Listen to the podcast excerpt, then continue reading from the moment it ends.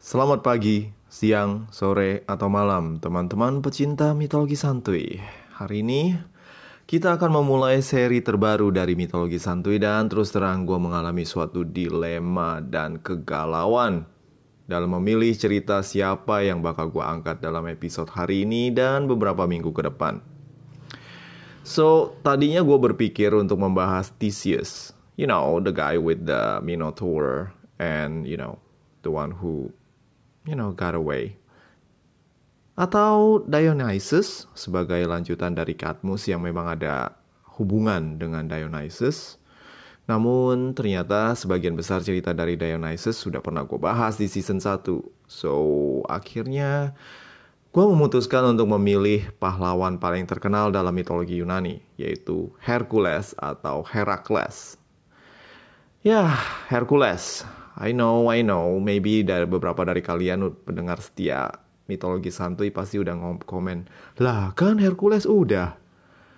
Iya bener sih, memang gue pernah bahas soal Hercules di season 1 Tapi beneran itu baru kulit arinya doang Alias bener-bener baru ngebahas sedikit banget. Belum membahas keseluruhan cerita kepahlawanan Hercules yang luar biasa keren. So, Hercules indeed. Oke, okay. Mari kita dengarkan.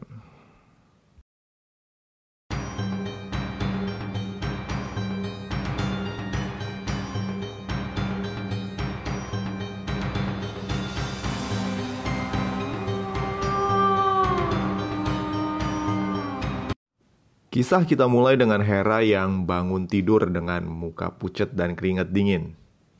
Setelah minum segelas air segar, dirinya kemudian menghampiri Zeus yang kala itu sedang ngecek Instagram yang penuh dengan profil-profil cewek-cewek cakep nan seksi.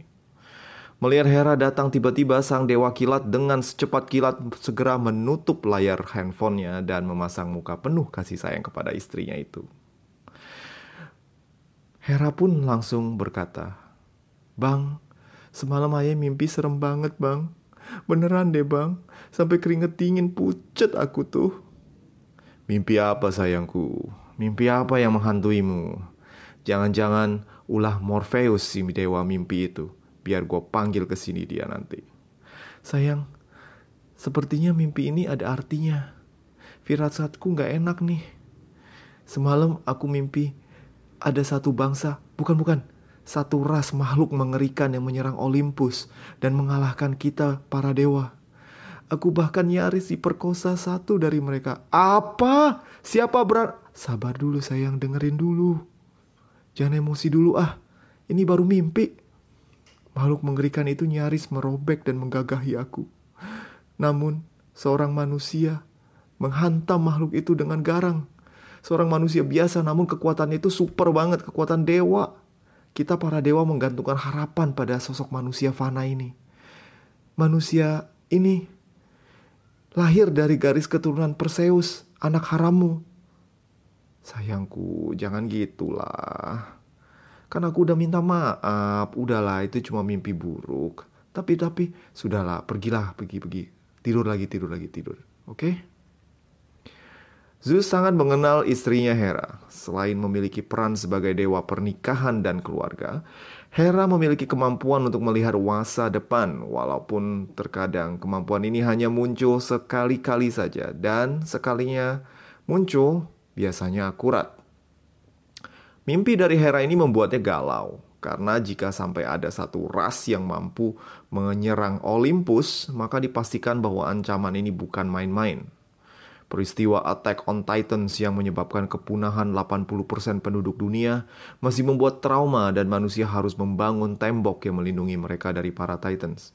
Wait, uh, bentar-bentar, sorry, uh, salah baca. Gua habis baca komik.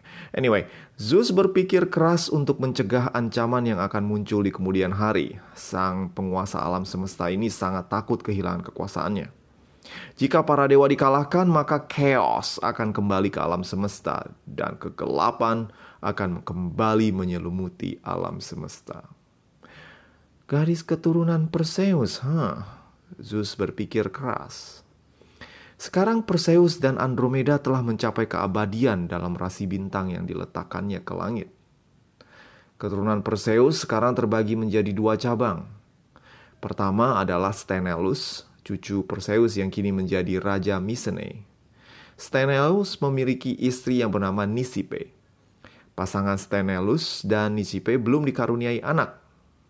Lalu cucu kedua Perseus adalah Amphitryon yang jatuh cinta pada sepupunya sendiri, si cantik Alkmene yang juga merupakan cucu Perseus dan Andromeda. So ada tiga cucu Perseus dan Andromeda yang bisa menjadi orang tua dari pahlawan yang akan membantu para dewa dari ras bengis di masa depan. Zeus kemudian meneliti bibit bebet dan bobot ketiga cucu Perseus tersebut dan kemudian insting bang jagonya pun menyala terang. Seperti biasa, sang dewa kilat ini sangat mudah kesambet kalau ngelihat cewek cakep entah dari ras manusia atau dedemit. Eh tunggu dulu. Akme ini cakep nih. Kalau didengar dari mimpi Hera, si pahlawan ini punya kekuatan luar biasa. Mana mungkin Amphitryon bisa punya anak dengan kemampuan super kayak gitu. Satu-satunya kemungkinan adalah gue lah, siapa lagi? Nah, demi menyelamatkan para dewa dan alam semesta, gue mesti turun ke dunia dan em em dengan Alkmene. Jangan salah, Jangan anggap gue mesum. Ini misi mulia. Misi enak-enak nan mulia tentunya. So, segeralah Zeus mencari kesempatan untuk mencari dan mengunjungi Alkmene. Tidak seperti misi enak-enaknya yang dulu, kali ini Zeus akan menemui seorang binor alias bini orang yang sebenarnya masih cicitnya sendiri dari Perseus. Alkmene tentu tidak akan bisa ditaklukkan dengan rupa angsa, hujan emas, sapi, atau wujud yang pernah dicoba oleh Zeus sebelumnya. Alkmene kini sudah bersuami, dan kali ini Zeus yang maha cerdik kalau urusan enak-enak mengambil rupa Amphitryon, suaminya. So pada suatu kesempatan, Amphitryon harus pergi berperang di Mycenae, meninggalkan Alkmene sendirian di Thebes. Pada saat si istri ditinggal sendirian, sang pebinor pun datang. Dengan mengambil rupa Amphitryon, Zeus pulang ke rumah dengan kondisi seperti habis perang. Sayang, orang-orang Mycenae itu cupu-cupu, gak usah lama-lama dikepung. Mereka semua udah nyerah sebentar doang. Tahu gini gue suruh si Jason aja ke sana. Masa tiga hari kepung aja udah kelar Tahu gitu gue di rumah aja sama kamu sayang. Hmm? Ah abang. Cerita kepahlawanan Zeus slash Amphitryon KW ini kemudian membangkitkan semangat bercinta di antara keduanya. Zeus kemudian memboyong Alkmene ke peraduannya dan mereka menikmati kebersamaan mereka dengan panas dan intens. Saking intensnya, Zeus dengan WhatsApp memberikan perintah kepada Apollo untuk cuti mengunjungi bumi selama tiga hari tiga malam. Sehingga tak ada matahari yang bersinar.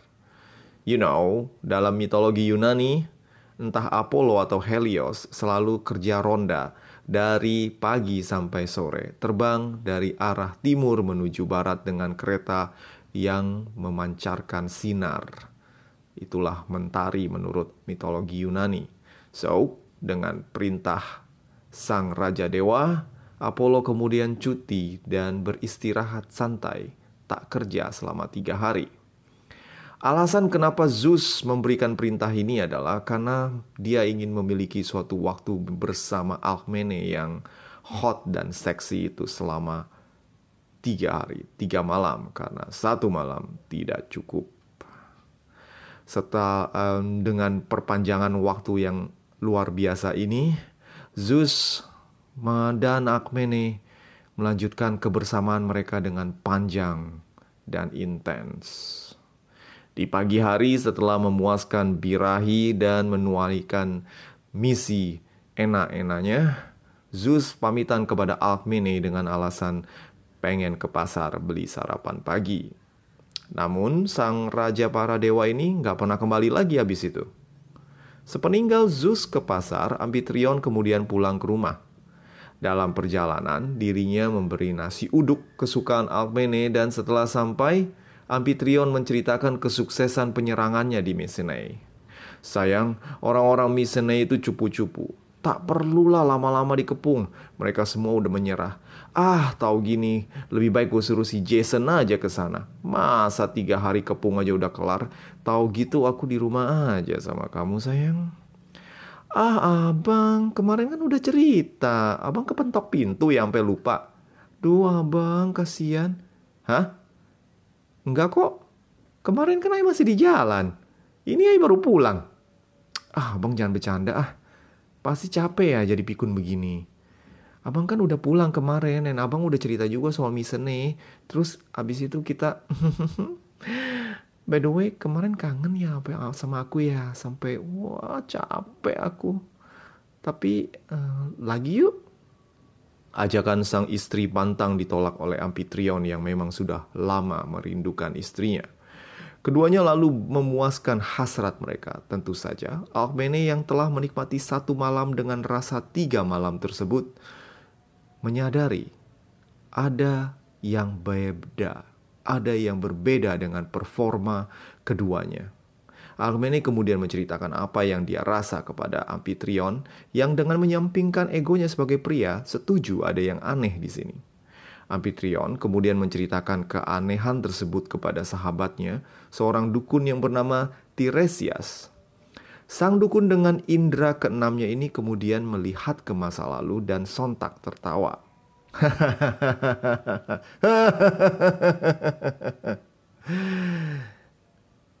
Tiresias kemudian berhenti ketawa karena memang dirinya dikeplak oleh Amfitrion.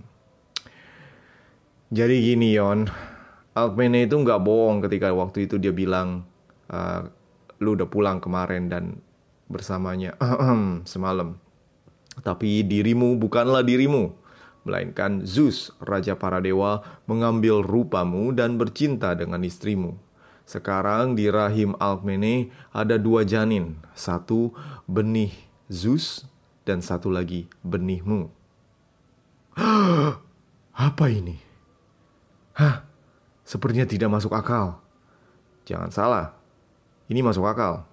Kejadian pembuahan ganda umum terjadi pada binatang menyusui atau mamalia seperti kucing, anjing, dan babi. Namun jarang terjadi pada manusia. Peristiwa yang dikenal dengan nama, ini nama bule nih ya, jadi coba dengarkan baik-baik. Nanti Google aja sendiri.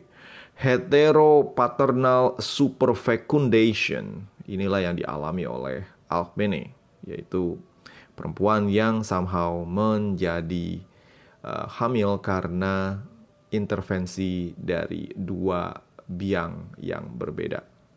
Oke, okay, simple. Seperti itu aja. Karena kalau gua tambahin dengan know, bumbu-bumbu yang lain kemungkinan gua bakal di-ban oleh Spotify. Oke. okay. Sementara itu di Gunung Olympus, Hera menyadari ulah hidung belang suaminya. Kemarahan akibat pernah diselingkuhi berkali-kali oleh sang suami kembali tersulut. Belum dingin amarahnya akibat perselingkuhan dengan Eropa, Io, Danai, dan berbagai wanita kalangan lain. Sekarang dengan berani Zeus meniduri seorang manusia biasa bernama Alkmene. Dalam kemarahannya, Hera merencanakan balas dendam.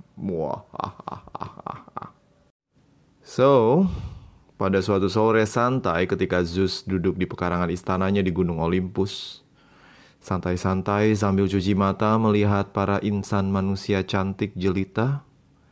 Hera tiba-tiba menepuk punggungnya dari belakang. Hei say, lagi ngapain? Oh kagak, ini lagi mikirin perkara umat manusia aja. Kali aja ada yang perlu Zeus sang raja para dewa maha kuat perkasa dan gagah bisa bantu. Omong-omong kok tumben sore sini? Sore gini di sini sis? Eh, say, kagak pergi arisan sama teman-teman barumu tuh. Si Isis sama si Freya. Oh kagak. Isis lagi sibuk sama Osiris ngomelin Anubis. Ada masalah audit di dunia kematian katanya. Kalau Freya lagi dipanggil sama Odin. Urusan internal Valhalla katanya. Jadi ya di sini deh. Santai nemenin abang. Oh gitu. Eh iya, waktu waktu itu gue keinget nih mimpi lu soal uh, keturunan Perseus. Setelah menimbang-nimbang, gue yang ambil keputusan.